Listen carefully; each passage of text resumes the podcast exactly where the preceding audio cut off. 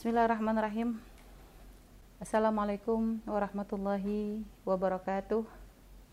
Sebelum kita masuk kepada pembahasan ya masalah fikih praktis ya, uh, Umi pengen menjelaskan terlebih dahulu kepada para akhwat semuanya tentang masalah keutamaan mencari ilmu ya. Ini memang menjadi satu keharusan bagi kita semuanya.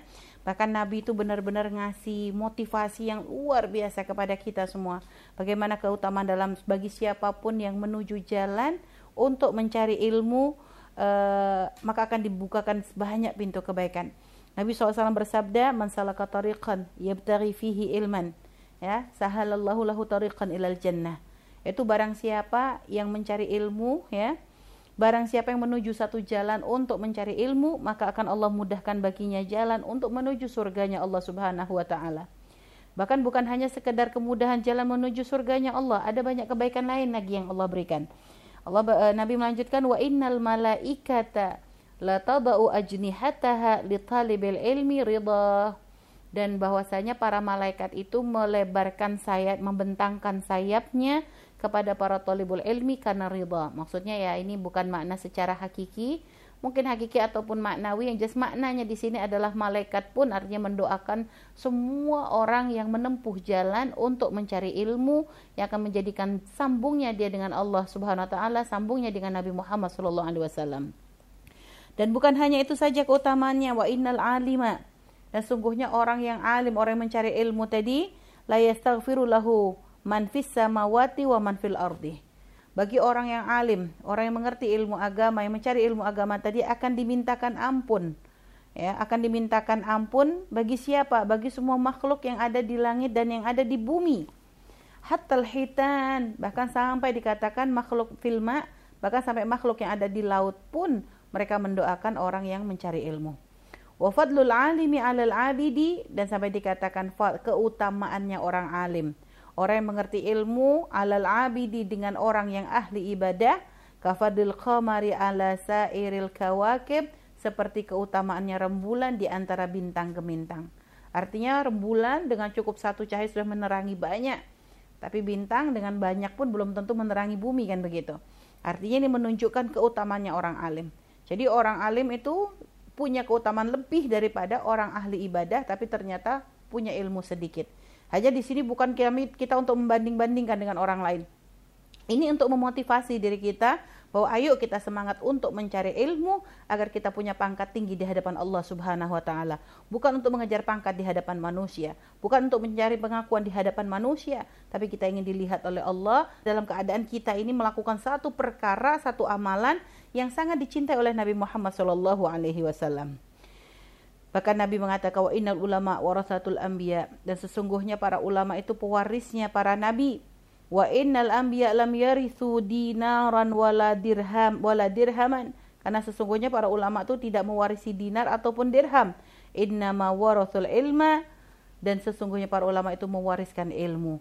Faman akhadahu akhadha bihazin wafir maka barang siapa yang mengambil bagian dari ilmu tadi dia telah mengambil bagian yang besar ya kayak orang waris itu kan kalau nggak dapat bagian banyak kan seneng maka ketahuilah dengan kita mencari ilmu maka kita telah mengambil warisannya para ulama dan mengambil waris bagian yang luar biasa maka sampai diceritakan dalam satu riwayat Rasulullah SAW pernah berada di satu masjid, pernah berada di masjid, lalu Nabi melihat di masjid itu ada dua majelis. Yang satu majelis zikir, yang satunya majelis ilmu. Lalu Nabi berkata, kilal majelisain ila khair. Sesungguhnya dua majelis ini sama-sama baik. Dua-duanya menuju kepada kemuliaan. Amma haula faidunallah taala. Yang satu mereka berdoa kepada Allah Subhanahu wa taala. Wa amma haula wa amma haula faita'allamuna wa yufaqihunal jahil. Adapun majelis yang satunya mereka adalah majelis yang mengajarkan orang dan memberikan pemahaman kepada orang yang bodoh agar mereka mengerti tentang tentang agamanya. Haula afdal kata Nabi. Maka yang mengajarkan orang yang tidak mengerti menjadi ngerti ini adalah majlis yang lebih utama daripada majlis yang hanya sekedar untuk uh, berdoa atau berzikir. Tapi bukan berarti kita merendahkan. Ini luar biasa baik kata Nabi khairin. Tapi kalau dibandingkan mana yang lebih bagus, majlis ilmu ataupun majlis zikir? Majlis zikir bagus, majlis ilmu bagus, tapi tentu majlis ilmu. Kenapa? Karena manfaatnya lebih gede. Kalau majelis zikir, majelis itu adalah gunanya adalah untuk masing-masing. Tapi kalau majelis ilmu dengan ilmu yang diajarkan akan menjadikan orang yang tidak mengerti menjadi mengerti sehingga lebih utama. Maka bagaimana kita kalau ingin membuat majlis kalau bisa kita kumpulkan karena kata Nabi dua-duanya baik. Kumpulkan di situ ada majlis zikir, lalu di situ juga diajarkan ilmu agama, maka itu akan menjadikan istilahnya paket komplit ya. Jadi kita kalau buat majlis kumpulkan diawali dulu dengan zikir-zikir ya. Kita apa saja zikir-zikir ringan ya. Mungkin bisa membaca Radibul Haddad, Wirdul Latif, Wirdul Fatih ya Nah, itu artinya untuk memulai supaya apa? Kita kumpulkan berbagai macam kebaikan di majlis tersebut. Ada zikirnya ada, ada belajar ilmu agamanya juga ada untuk agar semakin mulia majlis tersebut. Baik, itu adalah motivasi bahkan gitu ya. Begitu senangnya Nabi dengan masalah ilmu ini, Nabi bahkan berikan kesempatan kepada para wanita untuk bisa belajar bersama Rasulullah Shallallahu Alaihi Wasallam. Jadi para wanita wanita-wanita Ansor tuh sampai mereka pernah komplain sama Rasulullah, ya Rasulullah, enak banget laki-laki ya, ghalaba alaina rijal. Jadi kami tuh selalu dikalahkan kaum laki-laki. Mereka punya kesempatan belajar, kami nggak ada ya Rasulullah. Akhirnya mereka minta, kami minta kepadamu satu hari agar kami tuh bisa punya waktu untuk belajar bersamamu. Sehingga dikatakan Nabi memberikan kesempatan satu minggu sekali untuk para wanita agar bisa belajar bersama Rasulullah Shallallahu Alaihi Wasallam. Dari Keterangan ini menunjukkan betapa Islam itu sangat memperhatikan masalah mencari ilmu. Dan bahkan para wanita pun gitu sangat-sangat diperhatikan untuk masalah mencari ilmu. Jadi tidak ada istilahnya di dalam Islam itu ada diskriminasi sehingga wanita tidak dikasih kesempatan belajar, tidak ada. Bahkan kalau kita melihat bagaimana istri Nabi kita Nabi Muhammad SAW, Sayyidah Aisyah radhiyallahu taala dikatakan beliau termasuk orang yang kedua atau orang yang ketiga yang paling banyak meriwayatkan hadis dari Nabi kita Nabi Muhammad SAW menunjukkan apa? Nabi memberikan perhatian khusus kepada Sayyidah Aisyah karena kecerdasannya sehingga dididik oleh Rasulullah SAW untuk menjadi penyambung lisannya Nabi Muhammad SAW sehingga sampailah apa yang diajarkan oleh Rasulullah kepada kita semuanya.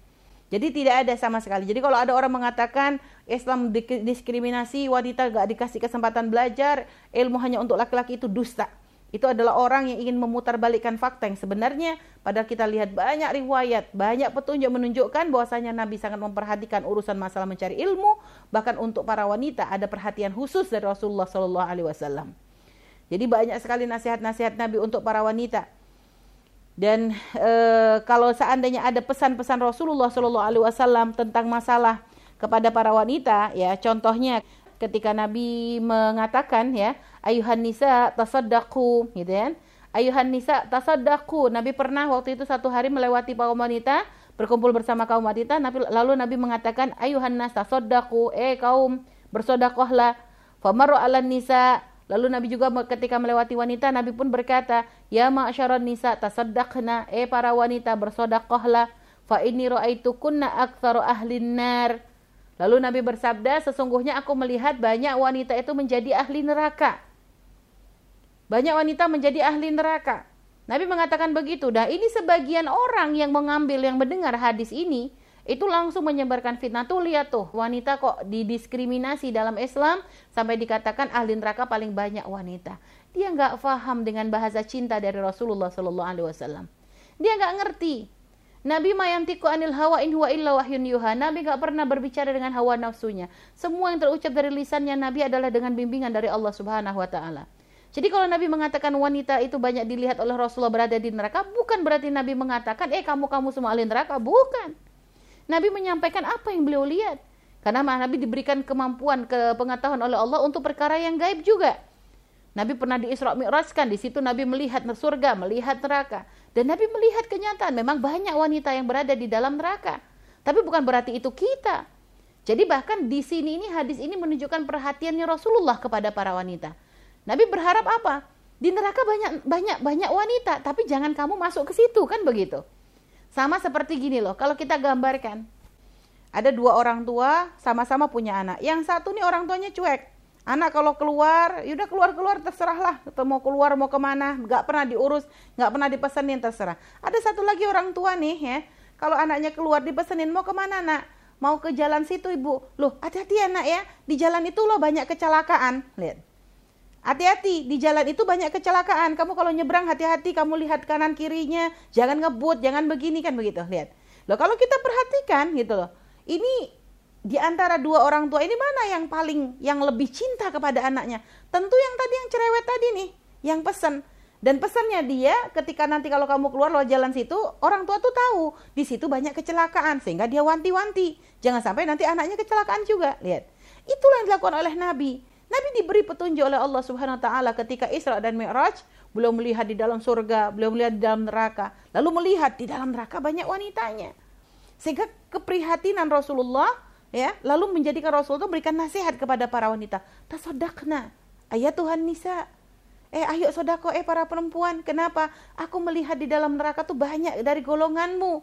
Tapi bukan berarti Nabi mendoakan kita menjadi ahli neraka. Nabi mesenin. Loh terus gimana caranya supaya tidak menjadi ahli neraka? Bersodako adalah salah satunya. Lalu para wanita penasaran, apa sih ya Rasulullah sebabnya wanita kok banyak yang di neraka? Lalu Nabi menyebutkan, tukthirnal la'na wa takfurnal ashir. Tukthirnal la'na, sering ngeluh. Jadi termasuk itu penyakit. Dan memang kita katakan penyakit wanita kadang suka mengeluh. Jadi wanita itu biasanya suka berkeluh kesah karena kelembutan hatinya, karena kelemahannya itu kadang menjadikan wanita itu suka mengeluh. Sehingga tidak sedikit kadang seorang istri ya ketika suami ini ngeluh aja. Wah ini ini nggak enak, ini, ini terus kan begitu.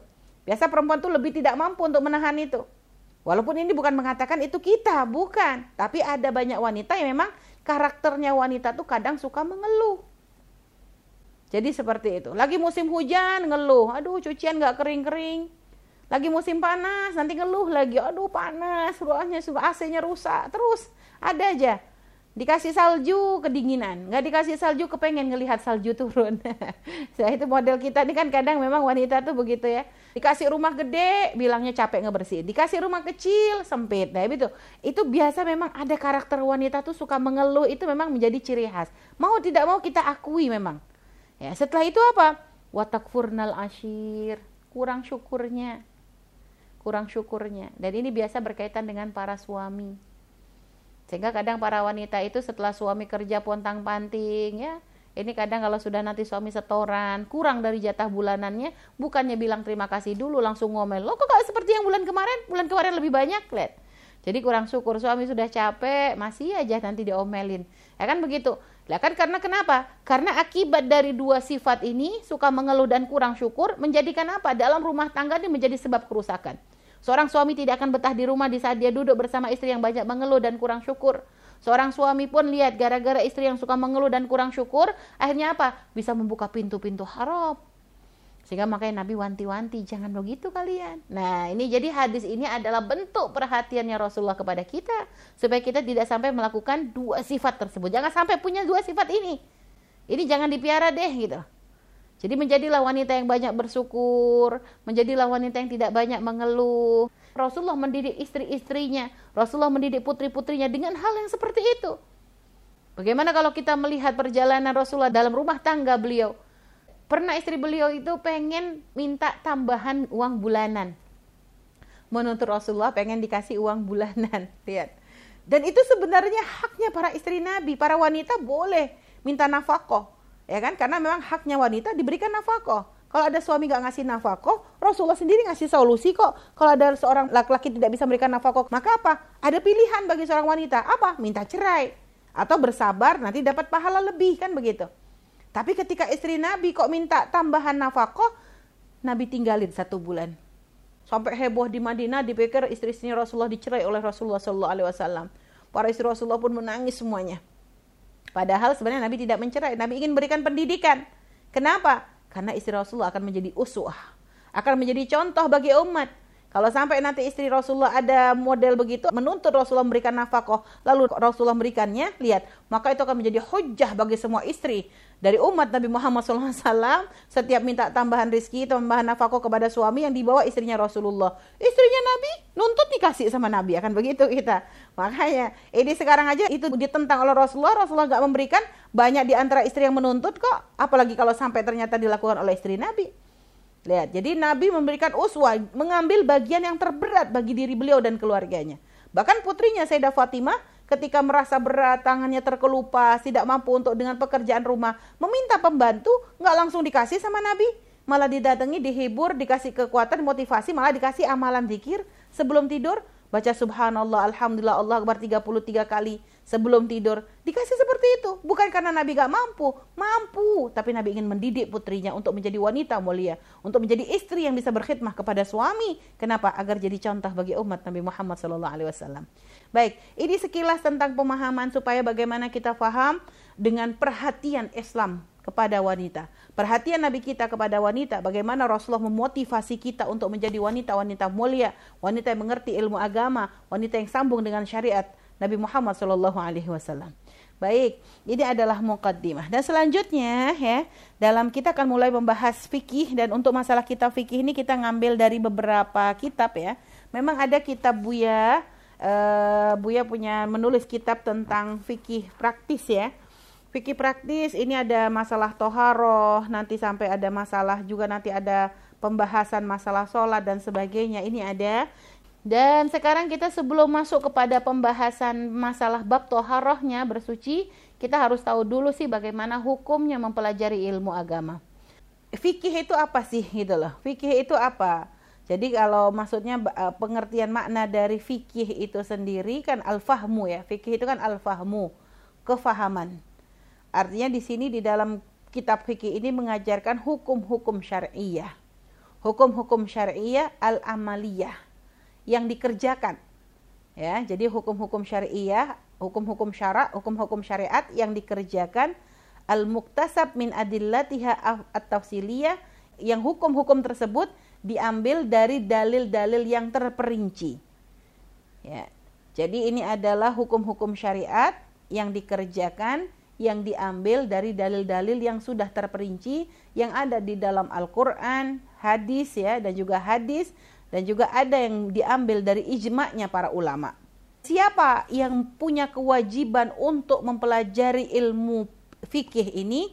Ini adalah orang-orang yang disebut sebagai mukallaf. Mukallaf itu orang-orang yang telah diberikan beban tanggung jawab untuk menjalankan syariat agama dengan sempurna. Dan syaratnya apa aja sih mukallaf itu ya? Insya Allah ini kan para ibunda sudah tahu nih Syaratnya dia harus berakal, dia berakal sehat. Kalau orang gila berarti ya nggak mukallaf. Makanya kalau ada orang pengen nggak mau sholat ya sudah jadi jadi orang gila, nggak ada tuntutan sholat baginya. Kalau selagi dia waras maka dia termasuk orang berakal yang nanti jika memenuhi syarat yang lain maka wajib dia menjalankan syariat. Setelah itu apa? Sudah mencapai usia akil balik. Usia akil balik itu usia yang cukup baginya untuk menjalankan. Jadi nanti ada ciri-cirinya, itu pun nanti akan kita bahas ada waktunya nanti untuk dibahas. Ini sekedar awal saja. Jadi berakal mencapai usia akil balik. Setelah itu apa? Dia adalah orang yang sehat pendengaran atau penglihatan. Artinya dua dua anggota tubuh ini adalah yang akan menyampaikan info kepada otak kita, mata dan telinga. Kalau masih ada salah satu, informasi masih nyampe. Ada orang bisa melihat tapi nggak punya telinga, masih bisa memahami bahasa isyarat. Ada orang e, telinganya normal tapi matanya buta, masih bisa memahami ucapan karena dengan telinga dia bisa mendengar dan bisa bisa bisa nyambung masih. Tapi kalau sudah dua-duanya mata nggak bisa melihat, telinga nggak bisa mendengar, maka tidak bisa ada informasi yang masuk. Maka saat itu dia tidak bisa disebut mukallaf. Kenapa? Dia tidak mendapatkan informasi apa pun yang berkaitan dengan syariat untuk bisa dia laksanakan. Nah, jadi tidak ada tuntutan dari syariat. Selanjutnya apalagi sampai kepadanya seruan dakwah. Dia adalah orang yang dapat menerima dakwah, artinya dia punya kesempatan, dia berada di satu tempat yang mungkin baginya untuk untuk mendapatkan informasi tentang syariatnya Nabi Muhammad Wasallam. Bukan orang yang berada di tengah hutan, yang dirawat sama binat, misalnya ada orang ditaruh di hutan, dirawat monyet, akhirnya sampai dia nggak kenal sholat, nggak kenal aurat, ya wajar, wong dia dididik sama monyet kok, nggak nyampe seruan dakwah. Tapi kalau kita saat ini nggak bisa. Kita berada sekarang walaupun bahkan bagi sahabat-sahabat yang ada di Jerman, walaupun berada di negeri kafir sekalipun, masih sangat mungkin untuk menerima informasi tentang Islam. Untuk belajar syariat agama, ini termasuk salah satu caranya. Sehingga di saat masih sampai seruan dakwah kepada kita, maka wajib bagi kita untuk mempelajari ilmu agama. Baru nanti yang kelima adalah dia harus seorang muslim. Dia harus memenuhi syarat menjadi seorang muslim. Nah, itulah Kalau sudah dia sudah memenuhi syarat yang tadi, maka dia harus memeluk agama Islam. Kalau dia sudah memeluk agama Islam, maka wajib baginya untuk menjalankan semua aturan, semua syariat yang dibawa oleh Nabi kita Nabi Muhammad Shallallahu Alaihi Wasallam. Baik, setelah itu apa saja yang dibahas di dalam fikih ini? Yaitu yang menjalankan perintah dan menjauhi larangan. Ibaratnya penekanannya adalah di situ. Bagaimana kita menjalankan perintah dari bersuci, berwudu ya, dalam berwudu lalu sholat dan sebagainya. Lalu untuk menjauhi larangan apa saja yang boleh, mana yang tidak boleh, itu nanti dibahas. Ya. Setelah itu hukumnya bagaimana mempelajari ilmu fikih? Hukum mempelajari ilmu fikih adalah fardu ain. Fardu ain ini adalah wajib bagi setiap orang Wajib bagi setiap orang gak ada tawar menawar. Sampai batas mana sih wajib belajarnya? Fima tatawaqqafu alaihi sihatul ibadah wal muamalah wal wal munakaha. Wajib ain itu fardu ainnya itu sampai batas dia itu memahami sahnya ibadah, sahnya muamalah, sahnya pernikahan. Itu yang paling inti. Jadi masalah ibadah dia harus mengerti mana boleh, mana tidak, mana yang wajib, mana yang sunnah. Itu harus difahami. Masalah jual beli, mana yang sah, mana yang enggak, mana yang batil, mana yang yang diperkenankan. Masalah munakahah juga begitu. Jadi ya hanya itu itu kewajibannya sebatas itu. Pokoknya tahu yang wajib enggaknya, mana haram, mana itu gitu. Jadi nggak sampai yang mendalami-dalami banget. Nah, baru setelah itu ada fardu kifayah, artinya wajib dari setiap satu kampung itu harus ada satu orang yang benar-benar mendalami ilmu agama sampai nanti dia bisa menjadi rujukan untuk berfatwa, untuk mengeluarkan fatwa. Artinya menjadi rujukan bagi yang bertanya, nanti dikasih solusi, jawaban dan sebagainya. Itu fardu kifayah, nggak wajib untuk semua orang. Karena kadang nggak semua orang punya kemampuan yang sama. Tapi kalau untuk sahnya ibadahnya dia, sahnya dia di dalam bermuamalah, Bagaimana dia agar jangan sampai masuk pernikahan yang batil, yang salah. Nah, ini harus dipak ini hukumnya wajib karena ini adalah untuk keselamatan diri. Sedangkan tadi kifayah adalah di saat dia sudah bisa berbagi untuk orang lain sampai berfatwa kan begitu. Tujuannya adalah untuk dia sendiri bisa dan, dan tapi juga untuk bisa mengajarkan kepada orang lain. Itu hukumnya dalam satu kelompok, dalam satu ini harus ada satu orang yang bisa seperti itu. Insya Allah banyak kita. Baru nanti wanadbu baru sunnah itu hukumnya fazada ala dzalik. Nah, ini sampai Sunnah itu kalau sudah sampai bisa mustahil, pokoknya lebih lagi lah, artinya lebih dalam lagi mempelajari agama, itu hukumnya sunnah. Berarti kalau kelas-kelas kita nih, kita masih masuk kelas yang fardu ain. Karena kelas-kelas kita nih masih kelas ya belajar. Bagaimana agar ibadah kita benar, bagaimana agar masalah muamalah kita nggak salah, bagaimana agar kita tidak pusing masa pernikahan, lah ini. Ini adalah hukum-hukum di dalam masalah fikih. Maka selanjutnya sekarang setelah kita sudah memahami bagaimana hukumnya kita mempelajari ilmu fikih ini harus menjadi motivasi bagi kita untuk benar-benar belajar. Jangan sampai ketika diajarin, lo saya nggak tahu sih, lo nggak bisa nggak ada alasan nggak tahu. Nggak tahu tuh kalau memang kita nggak punya kesempatan. Tapi sekarang kita berada diberi kesempatan oleh Allah untuk bisa belajar bersama, maka kita harus mulai, mulai belajar harus tahu. Harus tahu supaya nanti jangan sampai ibaratnya kita melakukan suatu perkara yang bertentangan dengan apa yang diperintahkan oleh Allah Subhanahu wa taala.